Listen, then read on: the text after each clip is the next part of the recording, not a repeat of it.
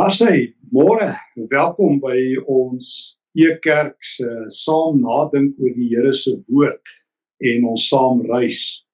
Ek hoop hierdie Sondagoggend is baie mooi vir jou of as jy dalk elders op die uh, aarde kyk, dalk is dit al aand uh, by ander plekke in die wêreld. Nogtans baie baie welkom by ons Ekerk familiekuier. Ons doen dit lewendig, so hier en daar kan die beeld dalk so bietjie knip wees geduldig en ek bid dan dat dit weer terug sal wees op die skerm. Ek wil graag sommer so 'n bietjie met jou praat oor een van die gewildste uitdrukkings in die wêreld en dan so 'n bietjie na die Bybel toe gaan. Ek praat van daai uitdrukking en ek is oortuig jy het dit ook al gebruik want ek het 'n mens is nooit te oud om te leer nie. Ken jy dit? 'n Mens is nooit te oud om te leer nie. En tog lyk vir my sukkel ons almal daarmee. Lyk vir my die meeste mense sê dit net, maar doen dit nie. Ek weet dit want 'n bekende navorser wat nou al oorlede is, John Gardner. Hy het eers geskrywe teen middelvolwassenheid hier in middel 20s is die meeste mense wat hy noem accomplished fugitives from themselves. Vlugtelinge van hulle self. Bedoelende dan het mense opgehou om kreatief te leer. Meeste mense ly dan aan wat ek gewoonlik noem mental pause. Dan het jou brein so bietjie gevries. Ja, jy leer nog verskoning. Jy leer hoe om met jou nuwe selfoon te werk en hoe om so bietjie 'n paar dinge te doen. Maar dit is min of meer al. Dan het jy eintlik opgehou kreatief leer. Nou ek onthou my ma sy's nou al 'n paar jaar dood. Maar sy het op 'n dag vir my gesê dat sy nooit te oud is om te leer nie. Ek onthou baie goed, sy was so amper 80. Sy het so pink golfie gehad en sy en 'n tannie is sonder ons toestemming Pretoria toe erns heen. En langs die pad breek daai blitsige pink golfie van haar. En daar stop 'n taxi agter haar en ouma sê dit is my laaste dag, hier is die hijackers. Hulle kom my nou uithaal. Daar stap die eienaar van die taxi na haar kar toe en hy sê: "Mamma, wat maak keer? Kan ons jou help?" En jy sal nie glo nie sê my ma. Daar maak daai man daai taxi leeg. Hulle sluit my kar mooi toe en hy vat my dadelik daarna 'n plek toe wat my kon help. My ma sê vir my: "My kind, 'n mens is nie te oud om te leer nie." Nou ja, lyk vir my dit is so. My ma was toe al amper 80 en sy kon nog iets leer. Ek onthou een van my groot leerlesse in die lewe wat my baie op 'n nuwe manier laat besig raak het met die Bybel was um uit 'n akademiese kring. Ek het twee hoedens in my lewe. Uh, ek het 'n akademiese hoed en ek het 'n kerkhoed. En uh, ek moes so was dit so 3 jaar terug moes ek op drie kontinente 'n uh, nagraadse programme, M-program in leierskap aanbied. In Nijmegen, Nederland by die Radboud Universiteit in Perth, Australië met 'n nagraadse program en ook by Koffsies hier in Suid-Afrika. En toe het ek gekyk wat sal gebeur as ek so 80% van die tyd vir die studente dieselfde voorskryf. En toe lees ek iets van die Amerikaanse skrywer, leierskapdenker Max de Pree, nie die Suid-Afrikaanse Max nie, ook in Amerika Max de Pree. En hy sê toe een ding wat my van die aardbol afblaas. Wat my gehelp het om die Bybel vars te lees en my geloof nie te kyk. Een sin. Hy sê the first responsibility of a leader is to define reality. Hy sê the last responsibility is to say thank you in between. The leader is a servant. Die eerste verantwoordelikheid van 'n leier is om die realiteit te definieer. En toe gebruik ek hierdie stelling om vir al die studente daar op al drie kontinente uh, te vra in die lig van alles wat jy oor leierskap geleer het. Hoe sal jy Max de Pree se stelling toepas? The first responsibility of a leader is to define reality. Nou ja, as jy hierdie vraag kan antwoord, dan kan ek vir jou M graad gee. Nee nee, dis net 'n grapie. Maar feit is, dit het my teruggevat na die Bybel. Uh, ek was so vir so 3, 4 jaar van my lewe 'n leraar voordat ek by universiteit beland het. Sjoe, dis deur in die vorige eeu, daar in die laat 1980s, vroeg tot so 1990. En ek wens ek het dit toegeweet. En ek moet bely, ehm um, Ek het dit eers die afgelope paar jaar geleer en van toe af leer ek vir mense en vir Stefan vir myself vanuit die Nuwe Testament. Hoe kry ek 'n Christus wêreldbeeld? O ja, ek hoor baie ouens praat van 'n Christelike wêreldbeeld. Ek dink dit is beter om vir 'n Nuwe Testament Christen te sê, hoe kry ek uit die Nuwe Testament 'n Christus wêreldbeeld? Paulus het my gehelp. En ek het dit al 'n paar keer saam met ouens gedoen wat ek nou doen, en ek kan nie altyd onthou hoe ek dit doen nie want ek skryf nie neer wat ek sê nie. So kan ek volgens saam met jou vyf dinge leer oor 'n Christus wêreldbeeld. En as en as jy wil, dan gaan ons en as ons lewe volgende Sondag met nog vyf dinge verder oor hoe kyk ek deur Christus na die lewe. So eers, hoe kyk ek Christus raak op vyf maniere? So volgens sal nie net 3 punte nie, daar's jou werklik waar 5. Eerste een. Ehm uh, die kruis. Kyk deur die kruis. Nou Paulus het dit vir Christene geleer. Hy het al sy tyd spandeer om vir mense 'n Christus wêreldbeeld te gee om eerstens na Christus te kyk. En hoor nou gou, as ek praat van 'n Christus wêreldbeeld en ek sê ons kyk deur Christus, dan sê die meeste ons, "Mmm, ek het al hierdie storie gehoor." Nee, jy het nie. Want ons is geleer om te sê Christus is die Here, maar ons konnekteer nie die kolletjies na ons lewe toe. Ek sien baie ouens ook in corona tyd, hulle sê nee, Christus is die Here. Maar dan vra hulle, hoekom straf die Here ons? Hulle het nog nooit geleer om deur Christus ook na corona te kyk nie. Baie ouens sê vir my Christus is die Here, maar hulle is so bang vir die duiwel dat hulle kan iets oorkom. Hulle glo in vloeke en bindings en jy weet nie wat alles nie. Dan vra ek vir hulle ouens, wanneer laas het jy deur die kruis gekyk? Wanneer laas het jy Christus raak gekyk? Nou hier's die eerste ding. Paulus het so 5 beelde. Kruis, dan gaan ons so een na die ander saam met Paulus stap. En ek wil jou nooi na Kolossense 2 vers 14. Paulus skryf: Hy, dit is God van wie hy praat, het die skuld bewys met sy eise teen ons tot niet te maak. Deur dit aan die kruis te spyker, het hy dit vergoed weggevat. Daar's hy. Paulus kyk deur die kruis. Paulus weet sonde is 'n probleem. Die dood is 'n probleem, die lewe is 'n probleem. Hy sê en toe kom Christus en hy kom staan tussen God en tussen my. Ons het dit al vir mekaar gesê by ander gesprekke dat God se kyk verander het. God kyk nie meer na my soos wat hy gekyk het in die Ou Testament. Toe het hy sonde een tot een gesien, mense kans vir kans gegee. Maar nou dat Christus gekom het, kyk hy deur die kruis. Die kruis word die bril wat God opsit. En my sondes, jawel, Dis aan die kruis vasgespijker. Ek het ook al gesê Paulus gebruik die Griekse woord gyrografon gebruik hy hierso. Dit beteken so aanplag. Die ou aardsengele of een van die ou sewe doods, een van die aardsengele in Joodse tradisie, het die ou Jode geglo, gaan op die laaste dag hierdie aanklag so teen jou hou. Dan sê hy, kyk daar, kyk kyk wat het jy alles verkeerd gedoen. Paulus sê Jesus het gesê gee dit vir my. Hy het dit afbetaal. So die kruis se lig en sy skade weer val oor my hele lewe. Daarom kan Paulus sê hy daaroor gedink. In Christus is daar geen veroordeling meer nie, Romeine 8 vers 1 vir die wat in hom is nie. Of in Romeine 5 vers 1. Daar is nou vrede tussen ons en God. Soos ek geleer het om te kruis kyk, te Christus kyk om die kruis raak te sien. Dan sit ek nie die hele tyd en wonder as iets verkeerd gaan. Sjoe, nou straf die Here my of as my kinders siek word, is daar een of ander vloek of 'n voorvader sonde. Dan verstaan ek die kruis. Christus se kruis is groot genoeg om 'n uitveer te wees. Dit sê God begin oor en voor. So die eerste verantwoordelikheid van 'n leier. En dis volgens my roeping na jou toe, is om die werklikheid te herdefinieer. Van nou af kyk ek na die wêreld en nog altyd deur die kruis. As ek oor straf praat, as ek oor enigiets praat, moet ek eers by die kruis 'n besoek aflê. Tweedens. Tweedens, kruis, my volgende wêreld Christus kyk. Kruis kroon. So ek kyk terug en agter my sien ek 'n kruis. Ek kyk vorentoe en voor my sien ek 'n kroon. My gunsteling teks in die hele wêreld hieroor is 2 Timoteus 4 vers 6 tot 8. Paulus skrywe in vers 6 Sy dood is voor die deur, dan sê hy in vers 7, 2 Timoteus 4. Ek het die goeie wedloop afgelê.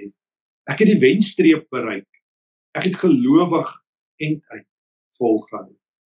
Nou wag die oorwinnaarskroon vir my, die lewe by God. En op die dag van die Here sal hy dit vir almal gee. Daai het jy dit. Paulus sê agter my die kruis wat my lewe vorentoe vat. Voor my 'n kroon Nou hoor hierso, een van die dinge wat ek nou die meeste hoor in corona tyd en dalk hoor jy dit ook. Ouens sê in Engels, this too shall pass. Moenie bekommer nie, corona sal ook verbygaan. Maar weet jy wat sê 'n Christen? 'n Christen sê nog iets by. Paulus sê in 2 Korintiërs 4, nie maar net ouens byt vas, dit sal verbygaan nie. Hy skryf in 2 Korintiërs 4 vers 16. Hy sê my oog is nie op die sigbare nie, maar op die onsigbare. Hoekom? Sigbare is tydelik en dit loop vir my uit op 'n ewige heerlikheid, die lewe by God. Dis die volle prentjie. Ek sê nie maar net dit sal verbygaan nie. Ek sê en dan wag daar 'n oorwinningskroon op my. Hoe elke keer as ek uh, by hierdie punt stil staan van my toekomsverwagting as 'n Christen, dan vertel ek twee stories. En ek moet dit nou weer doen as jy nie omgee nie. Die eerste storie vertel ek ook 'n daai kort rukkie wat ek 'n predikant was daar in die laat 80s en ek onthou dit so goed. Was daar 'n ou seentjie in ons gemeente wat ehm um, kanker gehad het. En hy was terminaal en die laaste keer toe kom daar by die hospitaalbed gaan besoek en ek sien sy pappa en mamma staan en huil het ek vir pappa en mamma gevra sê hulle net so 'n oomblikkie buite wag. Ek wil net 3 minute alleen met jou aanpraat. En uh, Toe sê ek vir Johan, Johan, ek sien hier staan iemand buite die deur, net hier buite. Ek het nou by hom verbygestap en hy wil vir jou kom kuier. Wie's dit oom vra hy? Ek sê dis Jesus. En ek sien hy hou in sy hande 'n kroon.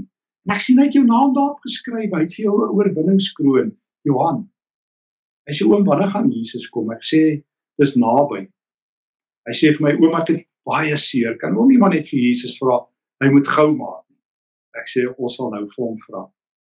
Hy sê oom, hoe moet ek maak? Ek vra vir hom Johan, het jy atletiek gehardloop? Hy sê ag oom, ek het in graad 1 en 2. Ek vra toe vir hom nou, maar hoe het jy gehardloop? Hy sê oom, die juffrou het gesê ek moet net kyk waar mamma staan. Dan hardloop ek na haar toe. En ek sê toe het jy dit toe gedoen? Hy sê ja oom. Ek sê wat het mamma gemaak? Hy sê sy het haar arms so oop gemaak. En ek het in haar arms vasgehardloop. Ek sê vir hom Johan, die Here Jesus gaan vanaand vir jou sê, kom Hy gaan sy arms oopgooi en hy gaan vir jou hardloop. Hy sê oom, wat van pappa en mamma? Ek sê moenie bekommer nie. Hy het ook vir hulle 'n kroon. Hulle lewe sal ook eendag verby wees. En dan gaan Jesus jou op 'n dag nooi en hy gaan sê, "Waar kom kyk? Pappa het aangekom." En hy gaan hardloop en hy gaan hom vang. Dis die evangelie. Sjoe. In die tweede storie wat ek vertel, want daar wag 'n kroon op my. Ek vertel dit graag deesdae. So 'n klompie jare terug was ek in 'n motorkaping Uh, en ek onthou toe daai ou daai 9 mm so teen my nek druk so net hierso ek voel hom hierso net daai 9 mm so span te weet ek is verby. Help nou nie ek sê vir jou jy skiet 'n hoogleraar in teologie of 'n teoloog nie. Daai ander pers ook sê dit skiet daai man. Maar ek onthou ek het twee gebede gehad en my eerste gebed was Here gee dat my oudste dogter Tarin daar erns afgelaai nie op hierdie toneel afkom en tweedens Here maak oop die deure ek kom huis toe ek kom huis toe. So en toe skiet die ouens my nie. En ek was daai aand toe ek so eenkant op my knieë staan. En ek sê vir die Here, dankie dat hy my gespaar het. Toe sê ek, Here, maar ek is 'n bietjie teleurgestel dat U my nie kom haal het nie. Weet jy wat? Elke keer as ek hierdie storie vertel, dan lag Christene vir my.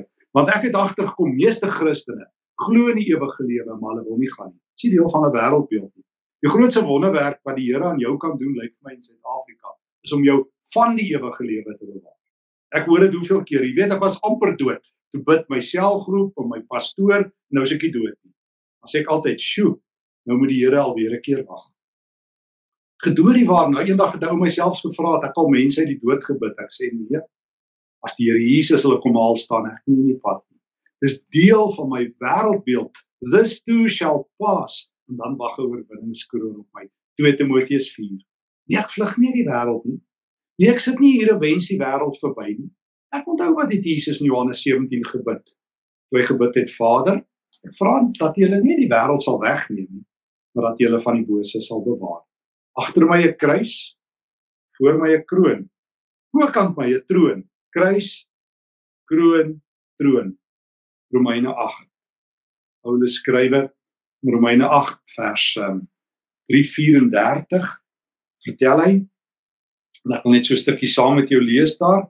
Hy sê in vers 33 wie kan ons aankla God spreek ons vry. Wie kan ons veroordeel? Christus het gesterf maar meer as dit hy's uit die dood opgewek. Hy sit aan die regterhand van God? Hy pleit vir ons. Paulus sê dit nie maar net hy gaan na die Here is bokant hom nie. Hy sê weet jy wat doen Jesus? Hy's op hierdie oomblik besig om vir jou en vir my te bid onthou toe ek so jong ouetjie was het ek nie mooi verstaan nie want al wat die kerk my geleer het het my nie 'n Christus wêreldbeeld geleer nie het my net geleer Christus het vir jou sondes gesterf. Nou ja nou is dit afgehandel. Ek onthou as 'n klein ouetjie het ek eendag vir my ma gevra want toe hoor ek oupa's op pensioen. Te vra ma is Jesus op pensioen? Toe sê sy hy my kind. Toe sê ek ek gaan vir toe sê ek ma kan ek dit vir die dominee vra? Want ma het blykbaar nie geweet of Jesus op pensioen is want ek bedoel as hy net vir my sondes gesterf het dan het hy mos nou nie meer werk nie. Sê sy my kind jy vra die dominee niks. Sê ek maar dink maar gaan hom vasvra. Sê sy hy my kind mens praat nie so nie. So dis wat ek weet mens kan nie vir 'n dominee vra vra nie. Maar in elk geval dis 'n ander storie skus. Mag het geleer. Christus is aktief met respek het nie afgetree nie. Hy sit aan die regterhand van God. Jo, jy ken Hebreërs 4. Hoor net wat wat sê Hebreërs 4 hieroor. Hebreërs 4 sê ons het 'n genadige Here. Hoor net vers 14 terwyl ons dan so 'n groot hoëpriester het wat deur die hemele ingegaan het, die seun van God, wat ons vashou aan die geloof wat ons bely. Die hoëpriester wat ons het, is nie een wat geen medelee met ons swakhede kan hê. Hy's in elke plek opsig soos ons versoek, maar hy het nie gesondig nie. Hoor nou vers 16. Kom, ons gaan dan met vrymoedigheid na die genade troon, sodat ons jammerhartigheid en genade kan ontvang en op die regte tyd gered word. Kruis hier voor my 'n kroon, bokant my 'n troon van genade. Dis my wêreldbeeld. En ek gebruik dit elke dag. As daai ehm um, nie gelowige ouens vir my sê Stefan, waar is jou God? Dan sê ek o, agter my is sy kruis. Voor my is 'n kroon, bokant my 'n throne of grace. As ons my sê is jou God liefde, dan sê ek Jesus is die God van jammerhartigheid. Dis hoe Paulus die wêreld verantwoord het. Jy sê jy weet nie hoe om te getuig nie. Ek ek sê nou vir jou, the first responsibility of a leader is to define reality. Ek deel net my realiteit met ander mense. Iemand vir my vra, "Wie is jou Here?" O, 'n kruis. Daar bewys God sy liefde. 1 Johannes 4 vers 10. Ware liefde is nie die liefde wat ek vir God het nie, maar die liefde wat hy aan my bewys het deur sy kind te gee. O, voor my hou hierdie God vir elkeen wat hierdie wedren klaarmaak 'n kroon bokant my 'n troon van genade waar Jesus vir my pleit waar die Heilige Gees in Romeine 8 se woorde instaan vir my. Dan sê jy vir my jy weet nie om te getuig nie. Kruis kroon troon. Onder my fondament die vierde een. Kruis Kolossense 2:14 'n kroon 2 Timoteus 4 vers 7 en 8 'n troon Romeine 8:334 onder my 'n fondament. Terug na 2 Timoteus. 2 Timoteus hoofstuk 1 vers 19. 2 Timoteus 1:19. Al Paulus noem hy um, 16 vers 5 aan. Hy 16 vers 5. Hy sê die hegte fondament wat God gelê het, staan vas met die woorde daarop gegraveer. Die Here ken die wat aan hom behoort o jy sê jy kry swaar in hierdie tyd van corona ons almal doen. Ons almal verloor.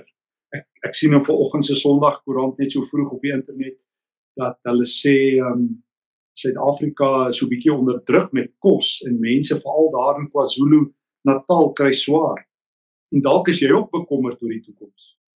Dis reg so. Weet jy wat kyk net agter jou kyk na Christus se kruis kyk net voor jou na Christus se troon se kroon wat vir jou wag. Kyk net op na sy kroon en kyk af. Jy staan op 'n fondament. Ek onthou Ek het jare terug die storieetjie gelees van 'n jong ouetjie wat 'n kragtige getuie vir die Here was.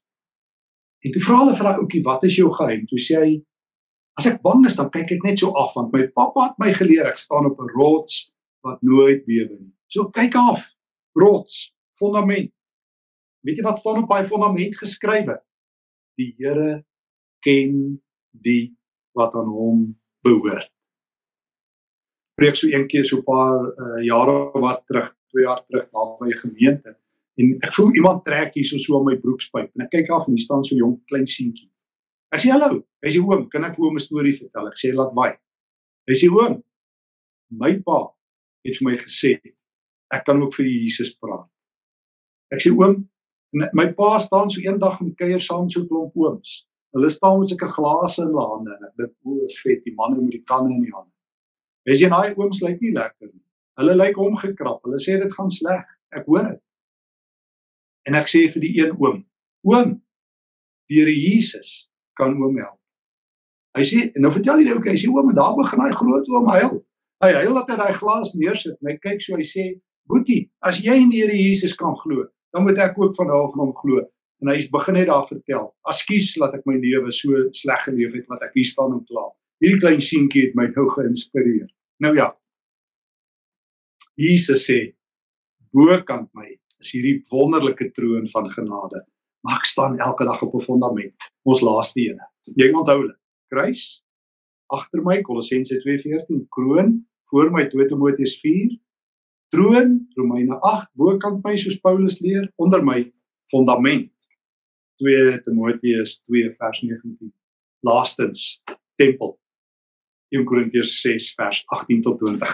Oeg, ek moet sê vir my allergunsteling teks in die Bybel. Uh 1 Korintiërs 6, ek bedoel 1 Korintiërs 6 vers 18 tot 20. En ek lees hom altyd agteruit. Ek begin by vers 20. Kan ek lees? 20 19 18.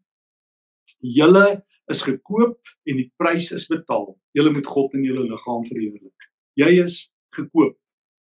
Daar was 'n forseilbordjie langs jou lewe. Uh, en toe stap die duiwel en die sonde en die satan verby en hulle sê dat ons die perd maar vat. Alweer bot op jou lewe sou toeslaan. Maar hoor nou. Toe kom die Here Jesus en hy koop my. Hy koop net bouvalle, mirasies, sondeneste, has-beens, nobodies, yesterday's ouens wat op die ashoop lê. Jesus koop sondaars. Hy het dit gesê. Hy het dit gesê. Hy hy onthou jy daar Markus Markus 2 toe daar by um, by by Leefie geëet het of in Lukas 5. Toe hy mos gesê ek nie gekom vir die ouens wat gesond is nie. Ek kom vir sondaars. Jesus koop net sondaars. Hy koop jou as jy nie gekoop wil word nie. As niemand jou wil koop nie. As jy 'n gemors gemaak het, as jy so ver geval het dat dit pik donker is. Nou kom koop Jesus jou en dan doen hy iets. Hoor nou vers 19. Besef jy dit nie? vra Paulus. Hm. Hy vra dit ook in 1 Korintiërs 3:16. Weet jy dit nie dat jou liggaam 'n tempel van die Heilige Gees is? Julle die Heilige Gees wat in julle woon van God ontvang. Die Heilige Gees vat 'n mirasie en omskep dit in 'n tempel. Heilige Gees bou tempels. Dis al wat hy doen. In Korintiërs 3 vers 16 vra Paulus dit weer. 2 Korintiërs 6:14 tot 7 vers 1 sê hy dit weer. Romeine 8 vers 9 sê Paulus dit weer dit moet deel van jou wêreldbeeld wees. Ek is 'n tempel van die Here. Nou gedoorie waar al wat ek gehoor het die ou ooms gebid het, ag Here, ek is so groot sondaar. En toe gaan soek ek in die Nuwe Testament en ek kry nie 'n enkele teks, nie 'n enkele teks waar 'n Christen 'n sondaar genoem word. Paulus, onthou jy sê in Romeine 5 daar vers 7 en 8, Christus het vir julle gesterf toe julle nog sondaars was. Nou ja, sondaar is iemand wat nie gered is nie. As Christus jou red, noem hy jou nie 'n sondaar nie. Hy beledig jou nie so nie. In Johannes 3 vers 1, kyk watter groot liefde die Vader ons bewys het. En ons kinders van God. Nou ja, daar sê wat ek volgens met jou wou deel. First responsibility of a leader is to define reality. Jy word 'n leier as jy 'n werklikheidsbeeld het. Kruis, kroon, kroon, fondament, tempel. Ek het Christus se kruis, ek kyk deur hom. Ek het voor my 'n oorwinningskroon, ek sien uit. Ek het bokant my 'n troon van genade en ek doen elke oggend as ek kan en ek onthou, doen ek 'n oefening dat ek terugkyk om die kruis te sien, dat ek voor my kyk om die groot oorwinningskroon in Jesus se hand te sien, dat ek bokant my kyk om die troon van genade te sien, dat ek afkyk nie om my skoene te sien nie, maar om hierdie rots, hierdie fondament te sien waar ek staan. Dan sit ek my hand op my bors en ek sê, Here, hierdie liggaam is gekoop. Ek is 'n tempel van die Heilige Gees. Daarom doen ek nie sonde leef soos ek wil. Hm. Mag die Here help dat jy en ek 'n Christus lewe gaan leef. Kom ons bid saam. Here, Here help my om die kruis te sien, om voor my 'n kroon van oorwinning te sien in die eie hand om bokant my 'n troon van genade te sien, Here Jesus, waar U sit. Om onder my 'n rots te sien, U self waarop geskryf staan, Here, dat U vir ons omgee, dat U diegene ken wat aan U behoort. Gee dat ek my hand in my hart sal sit om om te weet ek is 'n tempel van die Heilige Gees. Amen.